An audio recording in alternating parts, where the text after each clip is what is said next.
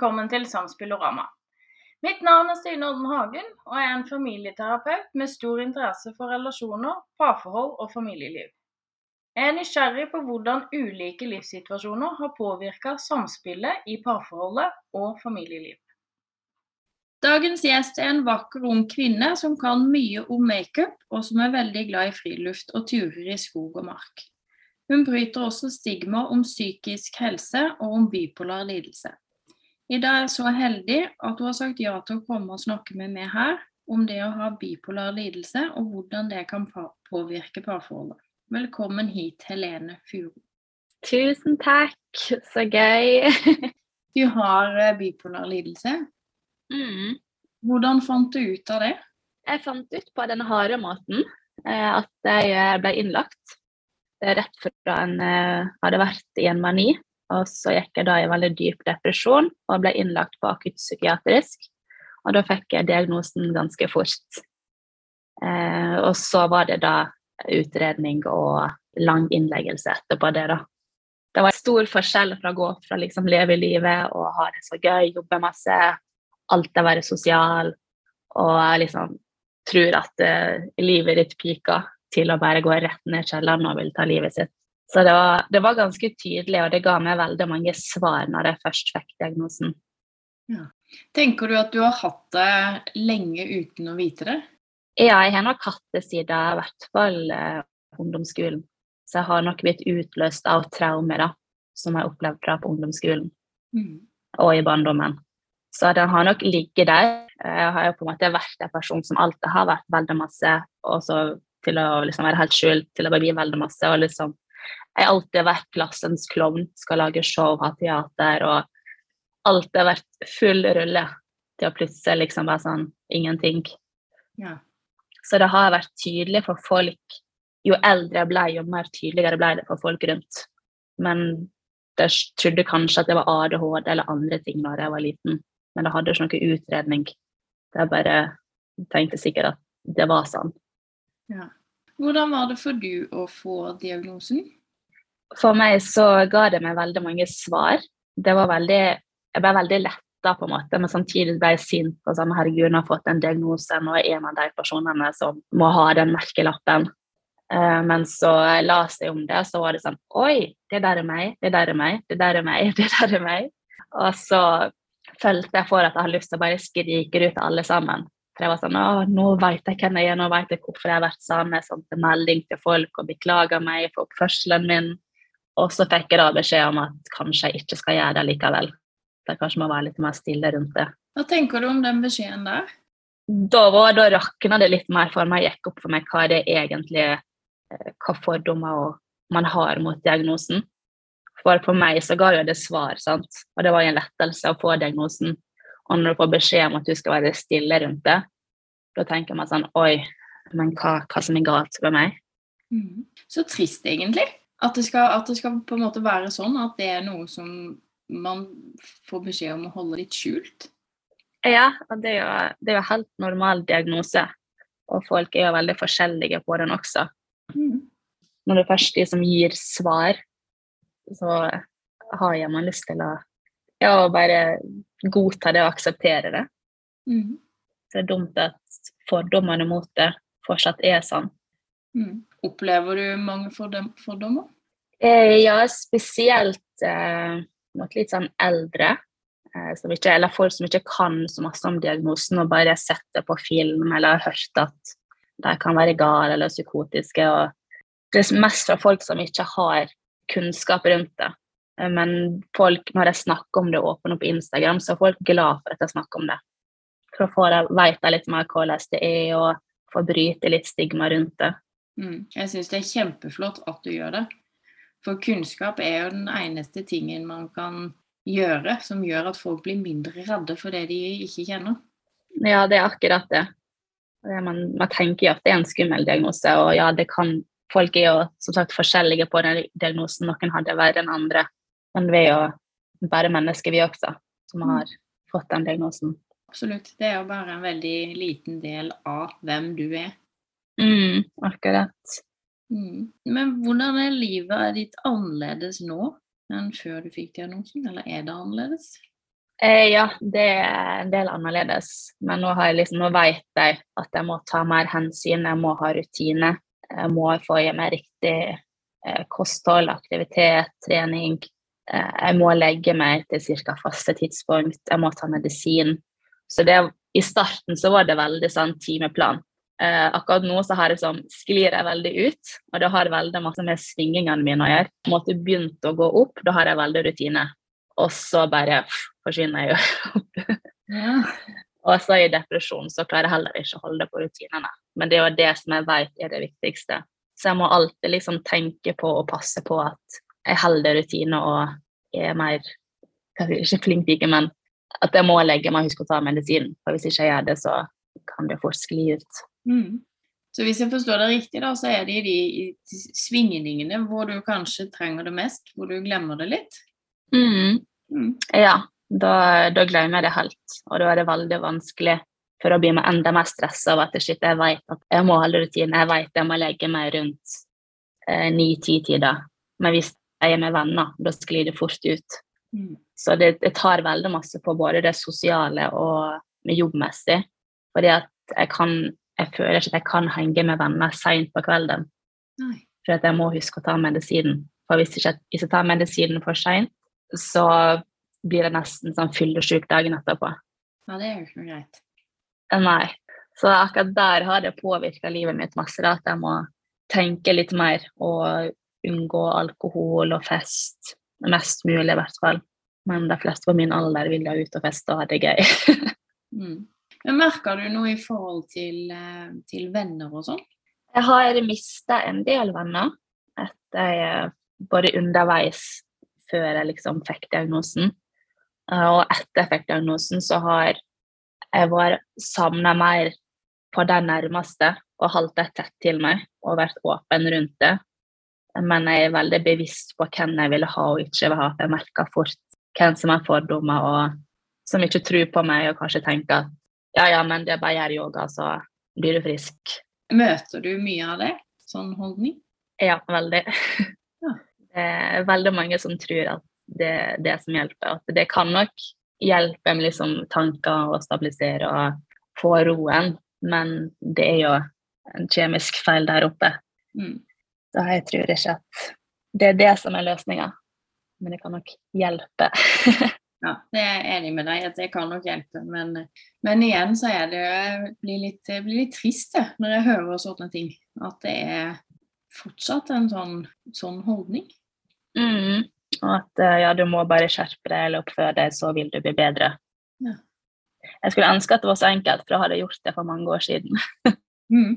Ja, det er jo noe med det, for det, det, er nesten litt sånn nedlatende å si det. Som om du ikke hadde tenkt på det og gjort det hvis det var så enkelt. Ja, og spesielt det med jobb, for jeg klarer jo ikke å jobbe fulltid. Eller generelt, for jeg jobber veldig sporadisk, eller når jeg er i form til å jobbe. Mm. Så jeg får veldig ofte spørsmål om ja, når skal du jobbe, hva masse jobber du, hva jobber du med nå? Så det er veldig sånn press fra samfunnet om at jeg må. Jeg må ut, jeg må feste, jeg må jobbe. Men jeg har bipolar type 1, så jeg kan få veldig lange maniske faser. Og så veldig depressiv fase. Jeg har hatt sånn ca. 50-50 altså et halvt år med mani, halvt år med depresjon. Ja. Så det er veldig vanskelig å Hvordan skal du få til jobb inni det? Mm. Så jeg har ikke hatt en eneste jobb der jeg har jobba over ett år. Nei. Og nå er jeg 25 år. Men det viktigste er jo, i hvert fall sånn som jeg tenker, da, at du finner noe som fungerer for du. Sånn eller sånn jobb, eller ingen jobb, eller Ja, så jeg prøver liksom å bare jobbe med hobbyene mine. Og så er det positive med bipolar lidelse at man blir veldig kreativ. Ja. så jeg har liksom veldig masse prosjekter og ting som jeg finner på som gleder meg. Så bra. Og det er der makeup har kommet inn. Mm. Og sosiale medier. Ja. ja, for du jobber litt med både sosiale medier og makeup? Ja, jeg tar på meg kun jeg jobber nå som jeg syns er gøy, da. For før så jobba jeg fulltid eh, som makeupartist, frilanser i film- og TV-bransjen. Og der var jo jeg jobb fra altså 12 til 17 timer om dagen. Og det, det funka ikke helt med bipolar lidelse. Ja. Så det er den stabiliteten den får ikke holde når jeg jobber så masse. Nei, så fint at du da har funnet din måte å løse det på. Du fortsatt kan gjøre noe du trives med, men på dine premisser, på et vis. Ja, for da funker det bedre. at Da er det noe jeg gleder meg til. Da er det ikke noe liksom jeg må gjøre, eller jeg vet at om morgendagen blir ødelagt. For det, Er det det du merker det på når du bryter rutinen, at du får det igjen dagen etterpå? Ja, da er det lettere for meg å enten så kan jeg gå i depresjon, eller så kan jeg gå opp i mani hvis jeg på en måte ikke følger rutinene. Så det jeg personlig må ha det ganske strengt, fordi jeg reagerer på medisinene. Så jeg har ikke funnet medisin som funker for meg. Nei. Så det har jeg prøvd å finne ut siden 2018. Nei, det er jo en stund. ja, det er det. Og det er, det er veldig individuelt hvordan folk reagerer på medisin og rutiner. Mm. Men for min del så er det rutine som er det viktigste. Du sa noe om at du leste, når du fikk diagnosen, så leste du mye om det. Mm. Eh, leste du på nett? Fant du informasjonen din på nett, eller? Ja, for når jeg fikk diagnosen på akutten, så sa eh, eh, psykiateren som ga meg diagnosen, at jeg kunne lese det på nett. Så jeg fikk ikke vite hva en bipolar diagnose var. Mm. Jeg måtte gå og lese det på nett. Og der står jo det veldig mange forskjellige ting. Det vil jeg absolutt tro at der finner man mye, ja, mye informasjon som ikke nødvendigvis er nyttig. Mm, absolutt. Så det første tegn og symptomer som jeg leste, det var sånn OK, det er meg, det er meg, det er meg. det er meg. Men så jo mer jeg leste om det, så var jeg sånn Shit, jeg er gal nå? Er jeg psykopat? Eh, hva er det her? Har jeg lurt en hel verden? Hvordan opplevdes det? Eh, det var veldig mange tanker som svirra gjennom. Og jeg, jeg gikk jo i en veldig veldig dyp depresjon etter jeg fikk diagnosen. Eller jeg var jo allerede på vei ned, men når jeg på en måte las mer og mer om det, fikk liksom rett i ansiktet at jeg må være stille rundt det, ikke si det til alle og holde det hjemme. Så jeg måtte jo flytte hjem. Jeg levde jo livet i Oslo som makeupartist og hadde veldig store oppdrag som skulle komme, reklame, spillefilmer. Jeg skulle være Jeg hadde gjort det veldig bra til å måtte bare flytte hjem og stenge meg inne. Mm. Så da flyttet jeg hjem til mamma og pappa, og ja, jeg bodde der et år. Bare for å stabilisere, finne ut hvem jeg er. Og, Men opplevde du å få noe sånn annen type oppfølging? av eh, leger og sånt. Mm. Eh, ja, for jeg hadde eh, ambulant team som kom hjem til meg på det verste, eller på det meste så kom de hjem tre ganger i veka for å sjekke at jeg tar medisinen, hvordan jeg reagerer på medisinen, eh, og snakker med meg. For det er jo ganske stor overgang å leve i Oslo til hjem til foreldre. Mm. Og så venta jeg på innleggelse. Den, jeg fikk eh, diagnosen i august 2018, så hadde jeg innleggelse i november 2018. Så mellomtida der hadde jeg liksom ambulant team som fulgte meg opp. Og jeg fikk heller ikke time hos uh, psykolog, for det var lang ventetid på. Jeg tror ikke jeg fikk før i januar Nei. 2019. Du blir egentlig litt sånn sittende alene og bearbeide den, den diagnosen? Ja, satt hjemme og tenkte og tenkte og tenkte. Og så hadde jeg så høye doser på medisinen at jeg var helt avflatta. Alt jeg gjorde, var å sove og så se på serie. Ja. Jeg, så, jeg tror jeg så nesten alt på Netflix den tida. Og det er noe jeg aldri bruker å se på. så det var Jeg hadde ingen følelser, ingenting. Jeg bare lå og var bare helt avflatta og depressiv. Men har du har fått noe tilbud om noe sånn kurs og sånn? Jeg fikk ikke tilbud om kurs før nå i 2021. Nei. Og da fikk jeg først vite at det finnes bipolarkurs der du kan lære om diagnosen. Ja. Så jeg har liksom fått diagnosen, men så har det på en måte satt meg litt til side. At jeg har ikke fått noe informasjon. eller Jeg har bare hatt den innleggelsen i 2018 i fire uker der jeg skal lære rutine og stabilitet. Men så har jeg ikke visst noe mer at Bipolarforeningen eksempel. Nei. Det er jo òg ganske trist, syns jeg, da. At uh, en så stor overgang, og så skal man liksom sitte så alene i det. Ja, det var ganske, ganske trist og depressivt. Jeg følte på veldig masse skam og at jeg ikke var bra nok, at jeg ikke kunne gjøre noe for samfunnet. At jeg hadde svikta alle rundt meg, jeg hadde svikta meg sjøl. Det var liksom veldig negative tanker mot meg sjøl. Mm. Men hvordan var det bipolare kurset? Det var veldig bra. Jeg følte at endelig så har jeg møtt noen som jeg kan snakke med om diagnosen, eh, som skjønner meg. Selv om vi reagerer på forskjellige måter, så har vi fortsatt veldig mange av de samme tingene. Så vi kan slutte å le av hverandre. Og ja, når vi tar f.eks. medisinen, så blir vi ganske Har veldig lyst på sjokolade midt på natta. og det er sånn man tenker selv at herregud, det er jeg som kun har lyst på sjokolade. Men når en hel gjeng sitter der og bare ja, vi craver sjokolade hele tida, og sjokoladepapir overalt. Det, var, det var veldig gøy å møte andre folk med diagnosen Mm. som har følt dem seg mindre alene. Så det var veldig godt. Så bra. Og hva lærer man på et sånt kurs? Eh, vi lærte om diagnosen, eh, om symptom, og hva vi skal unngå, eller rutine. Og prøve å finne ut mer hvordan er din eh, diagnose, eller hvordan er ditt forløp. eller hva det heter. Eh, så vi fikk jo sånn stor perm med masse informasjon som vi gikk gjennom for hver gang, så var det forskjellige tema. Så vi lærte om f.eks. medisin, depressiv fase, mani, hva som utløser det, stress, hva masse det har å si på diagnosen. Så vi lærte liksom, vi fikk veldig masse verktøy som vi kan ta med oss videre. Så bra. Ja, det var veldig deilig. Og jeg, jeg gleder meg til hver gang. Sånn, kan, hva nytt kan jeg lære i dag?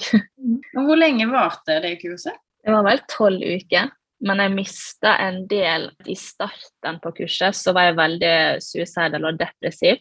Og så gikk jeg opp i en hypomani i kurset. Eh, så jeg har på en måte et stykke der jeg ikke husker så veldig masse. Og så ble jeg mer stabil mot slutten. Ja. Men eh, det har vært nyttig, det jeg har fått med meg. Så bra. Ja, Det høres jo veldig fint ut. Både det å kunne møte andre og se at det er mye mange forskjellige mennesker, og det vi har felles, er på en måte en, en diagnose. Ikke, Den er på en måte bare en liten del av hvem man er. Det er akkurat det. Det- Du er jo ikke diagnosen selv om du har den. Mm. Du har en kjæreste. Ja, det har jeg. Jeg har vært sammen i snart to år nå til sommeren. Hvordan eh, var det å fortelle han at eh, du hadde en bipolar lidelse? Eh, ja, det var litt morsomt. eh, fordi at jeg sa til han at jeg vil gjerne fortelle litt eh, hva som er med meg. Eh, og så sa han at så lenge du ikke har Kane West sin diagnose, så går det bra. Jeg bare au. Han, han har jo bipolar diagnose. Men da var han akkurat veldig masse i media, hadde gjort alle ja, Det var jo han overalt på VG. Og han ja. Så han sa så lenge ikke det var som han. Men så fortalte jeg til han at det er jo forskjellige grader av hvor alvorlig det er. og så, Det var ment som humor, men så traff han akkurat riktig diagnose. Men, eh, men hva, kunne han noe om den diagnosen fra før, eller? Nei, han kunne ingenting. Han kunne liksom det man har sett på media. Så jeg har jo jeg lærte han mer om det, og han jeg har på en måte gått litt gjennom det sammen. Det har jo vært veldig fint å kunne få gå gjennom den prosessen med han. Mm. Men satt, for satt han liksom Leste han sjøl, eller har han liksom Han er litt mer som heller vil se oss og lære det sjøl, eller hva jeg skal si. Eh, han vil på en måte ikke sette seg ned og lese oss og bli skremt. Han vil heller høre det fra meg, og så se hvordan jeg er, og så Mm. tilpasser han seg deretter. Og det er, i lys av det du sa i stad om alt det som står på nett, så er det eh. Ja, det tror jeg også. og det var ikke så mange ting jeg kunne heller om diagnosen sjøl. Altså, jeg visste at jeg hadde den, og vet hva er på en måte verktøy sånn jeg må bruke mot meg sjøl for at jeg skal fungere. Men jeg, kan på en måte, jeg kunne ikke så veldig masse om hvordan diagnosen faktisk er. For jeg hadde ikke hadde kun lest på nett. Og det viktigste er jo hvordan det fungerer for du, for det er jo dere som, som er kjærester. Ja, Mm. absolutt. Jeg, har jo, jeg hadde jo i 2018, når jeg fikk diagnosen, så møtte jo en fyr eller møtte på Tinder som jeg tenkte at jeg skal fortelle til han, for jeg skal være åpen og ærlig med en gang. Og da brukte han diagnosen min mot meg og fikk meg til å tro at jeg hadde vrangforestillinger og at jeg var sykere enn hva jeg var. Eh, Det var et e- eget kapittel, det histori den historien der. Men etter det så ble jeg på en måte skremt med å fortelle det til folk. Det kan jeg godt forstå. Men kjæresten, kjæresten min nå har heldigvis vært veldig fin og liksom lytta til meg og tilpassa og passa på at jeg har det bra. Og sier liksom at kanskje du må ta noen steg tilbake nå og være litt forsiktig. Ikke bli sint eller ikke stress eller ta på deg for masse. Så han har begynt å bli flinkere til å skjønne hvor grensene mine går. Ja, så bra. Det er også, Og det er veldig deilig. Man kan hjelpe seg litt i, ja, i de i periodene man kanskje trenger litt, at noen minner, minner oss på. Mm. Ja, for det er vanskelig for å se det sjøl. Så jeg, må liksom, jeg vil passe på meg sjøl, men jeg trenger også noen som ser det fra et annet perspektiv. At ok, kanskje du roer deg litt ned, eller kanskje du må komme deg litt opp igjen. Ha noen som hjelper meg med den balansen. Mm. Men har, eh, finnes det sånne pårørendekurs til eh, bipolar lidelse? Ja, det fins. Jeg tenkte kanskje skulle For nå skal vi flytte lag til sommeren, så det er kanskje fint å fått gått på det kurset. Lurer på om de har det i området. Jeg må finne litt ut hvor de har det. Mm. Men det var fint på at du kan lære enda mer om hvordan en skal se etter når vi bor oppå hverandre. Mm. For nå har vi avstandsforhold. Ja. Det blir koselig da å flytte sammen. Ja, jeg gleder meg veldig.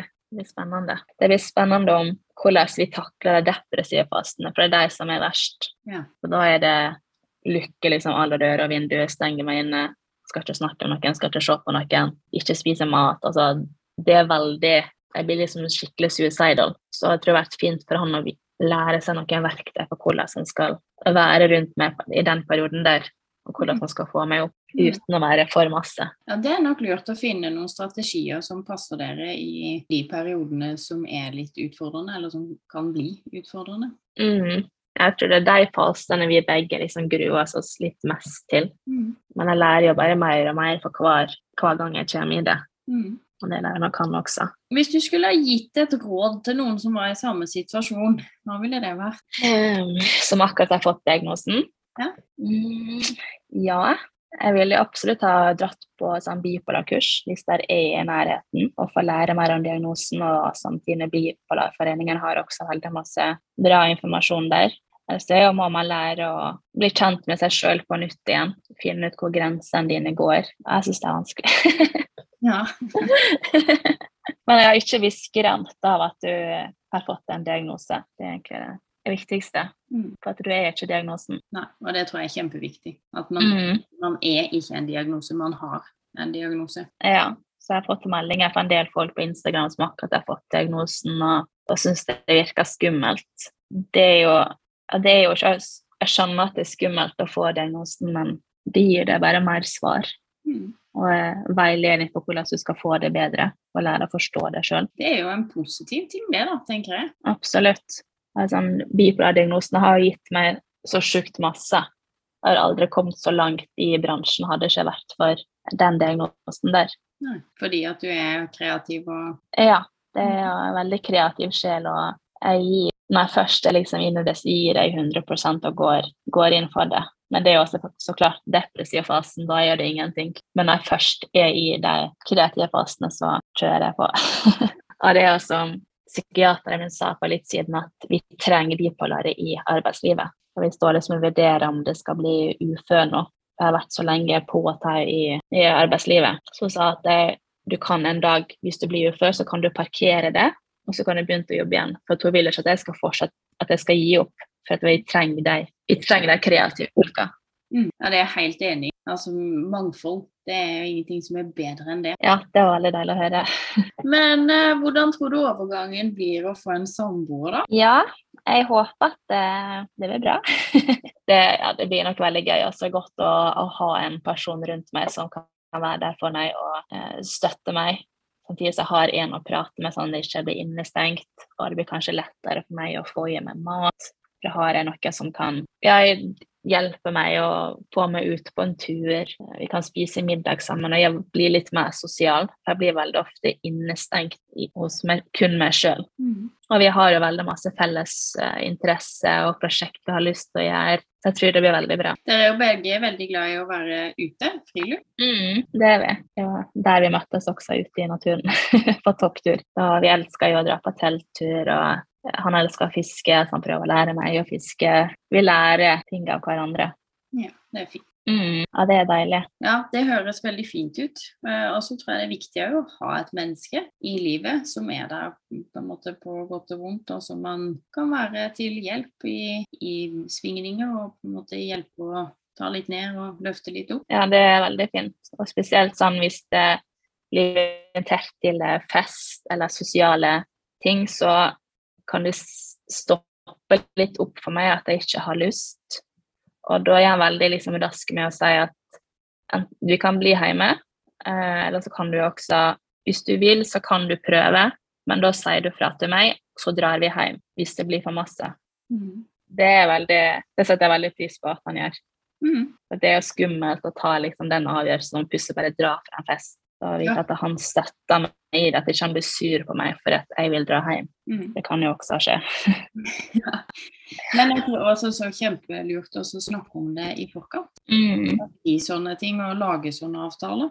Ja, det er blitt flinkere til det nå å si at eh, kanskje vi må dra hjem. For før så var det på en måte vi dro ut, og så bare sånn Jeg må dra nå. Og da skjønte jeg sånn hvorfor jeg ville dra hjem. Nei. Da kan han bli litt sånn Å, er du irritert? Er du sur? Eller Å, jeg kan tro han blir sur. Og så blir det bare en stor misforståelse. Så det gjelder liksom å snakke, for, snakke om det på forhånd. Absolutt. Har du noe mer du tenker at som er viktig å ta med? Det er viktig at, å akseptere at man har diagnosen, og ikke være sur på seg sjøl for at man har den, for du kan ikke gjøre noe med det. Du må akseptere og slutte å, å dømme deg sjøl og være streng mot deg sjøl. Mm. Heller liksom være snill, bli kjent med deg sjøl på nytt, Finn ut hvor går dine grenser, og hva som er best for deg. Ikke tving deg til å være venner med alle sammen, fortelle det til alle sammen. Gjør det som du syns er best for deg. Ja, og det tror jeg er kjempeviktig. Både da å akseptere at nå er det sånn. Det er på en måte en del av den jeg er. Og da må jeg finne ut hvordan det skal bli best mulig. Ja, for jeg var jo sur når jeg fikk, altså etter hvert når jeg fikk diagnosen, så var jeg sur. Mm. Og jeg ville ikke innse at jeg hadde en bipolar lidelse. Så jeg var ikke før nå i etter nyttår jeg faktisk aksepterte at OK, Helene, du har diagnosen. Du må bare leve med det. Og så må du gjøre det beste ut av det. Du kan ikke være sur og straffe deg sjøl for å få til en diagnose. Den er bare en veileder og skal hjelpe deg. Så jeg har brukt så masse tid på å skjule det og pressa meg ut i jobb. Jeg pressa meg på sosiale ting og prøvde å liksom holde på vennene mine som ikke er der for meg. Og så innså jeg at hvorfor gjør jeg det? Hvorfor skal jeg skjule at jeg har diagnosen? Det er jo helt normalt. Mm. Det er jo nesten 200 000 mennesker som har diagnosen, Mm. og det er jo ganske mange. Så hvorfor skal vi fortsatt skjule at vi har det? Helt enig. Så bra at du på en måte omfavner det litt. Ja, det, det tok mange år, men eh, det føles godt at nå kan jeg faktisk eie diagnosen. Jeg tar meg sjøl i at jeg hadde fått sånn det Jeg var på bipolar-dagen, og da fikk jeg sånn, sånn bipolar armebånd og sånne ting. Og så var jeg redd for og hvis jeg gikk ut døra, tenker folk tenker shit, hun der er bipolar. Og så er jeg sånn, jeg vet hva, hva som er galt med det, nå skal jeg være ene. Så jeg tar meg sjøl i det enkelte dager og er redd for fordommer mot spesielt folk rundt meg, eller folk som ikke kjenner meg på gata. Mm. Men hva skal, ha, hva skal de ha å si på det? Nei, Det sier litt mer om deg hvis de dømmer det. Absolutt. Men syns du det er lettere, lettere nå? Eh, ja, nå går det lettere. Eh, nå har jeg liksom i bioen min på Instagram at jeg bryter stigma om bipolar lidelse. og det kunne jeg aldri hatt for et halvt år siden eller et års tid siden. Jeg syns jo det er helt fantastisk. Jeg syns det er kjempeflott, og det er så utrolig viktig det du gjør. Tusen takk. Det varmer veldig å høre. Eh, Alltid så føler man at man er på, på feil vei. Men jeg får så masse tilbakemeldinger fra folk som enten har fått diagnosen, eller folk som er pårørende, eller folk som generelt bare ikke kan noe om diagnosen. At jeg sier at eh, tusen takk for at du deler, nå har vi lært noe mer. Mm. Da er sånn, ok, yes, takk. Da vet jeg at jeg gjør noe riktig. Mm. Og det er som, som jeg sa i stad, at eh, kunnskap er på en måte den eneste måten å, å endre de holdningene på. Absolutt. Uh, jo mer vi snakker om det, jo mer vi bryter stigma rundt det, jo mer normalt vil det være å snakke om det, og da tør folk å komme ut eller innrømme at til seg sjøl er det viktigst å innrømme at du har diagnosen. Mm. Og så kan jeg heller gå mer ut etter hvert. Jeg har jo hatt en lang prosess før at jeg er der i dag. Ja. Men jeg først aksepterte det, da var det Og det kan jo altså Det er jo en prosess. Eh, det kan jeg jo forstå. At eh, når man får en diagnose, så blir det jo på en måte en omstilling i sikkert hele livet i forhold til alt mulig du, som du snakka om.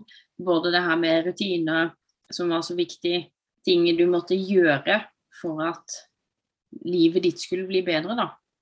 Så etter hvert som det kommer på plass, så er det sikkert lettere mm, å snakke mer utad. Det er det. Det var veldig vanskelig som i starten og når jeg var invitert til ting, og så si til deg at jeg kan, jeg kan ikke bli med på fest, eller at jeg stengte meg inne. Men nå er det på en måte, nå kan jeg si sånn Jeg beklager, men i dag kan jeg ikke komme på fest. Etter i dag har jeg en dårlig dag. Eller det vil ikke være bra for meg å komme dit. For kan jeg bli suicidal hvis jeg drikker alkohol. Mm. Men før kunne jeg ikke si det, så jeg tvang meg på fest, og så ble jeg henta og båret ut av døra. Og kjørt hjem og kasta opp i bilen og skulle ta livet mitt. Og ja, det hjelper å, å kunne liksom snakke om det til bare den rundt òg. Mm. Men det er iallfall veldig fint å høre uh, at du deler hvordan ja, hva du har lært, og hvordan, hvordan det har på en måte hatt en innvirkning på, på du. Uh, det er bra, det er spennende å høre om. Uh, Mm. det, Og jeg tror det er så utrolig viktig. mm. Det er nok mange som sitter med, med de tankene som du hadde. At jeg tør ikke å si det. Jeg tør ikke å akseptere det, kanskje. Ja, jeg tror det er veldig mange som sitter hjemme og sperrer seg inne og tør ikke å si det til noen, og er redd for hva folk tenker om deg. Mm. Og jeg syns det er veldig trist å, å vite. Jeg Jeg vet jo sjøl at jeg har vært der. Mm. Jeg vet jo at jeg, jeg ga opp hele livet mitt og tenkte at sånn skal det være. Nå skal jeg leve rutiner og følge timeplan resten av livet. Og det, det knuster meg, for at når du er en kreativ sjel og skal leve etter rutine, Mm. da, da føler du at det, det speider det en god del av meg. Men føler du det enda? Ja, jeg sliter liksom med å finne den riktige balansen. Så du er fortsatt i en prosess? Ja, det, det er en lang prosess. Men jeg har en stor del av det har jo vært fordi både jeg ikke vil si at jeg har liksom diagnosen, Mm. Og fordi jeg ikke har, jeg har flytta så masse, så jeg har ikke fått en skikkelig oppfølging eh, av folk som kan lære meg mer om diagnosen og snakke om det i timene. Vi har på en måte fokusert mer på traume og sånn fra barndommen og jobba med det. Og så har vi satt til side bipolardiagnosen. Eh, Men den er jo en viktig del i, i traumene. så hele systemet er jo veldig komplekst. Ja, absolutt. Da vil jeg bare si tusen, tusen takk. Tusen takk for at jeg fikk lov til å, å være med. Ja. Så koselig.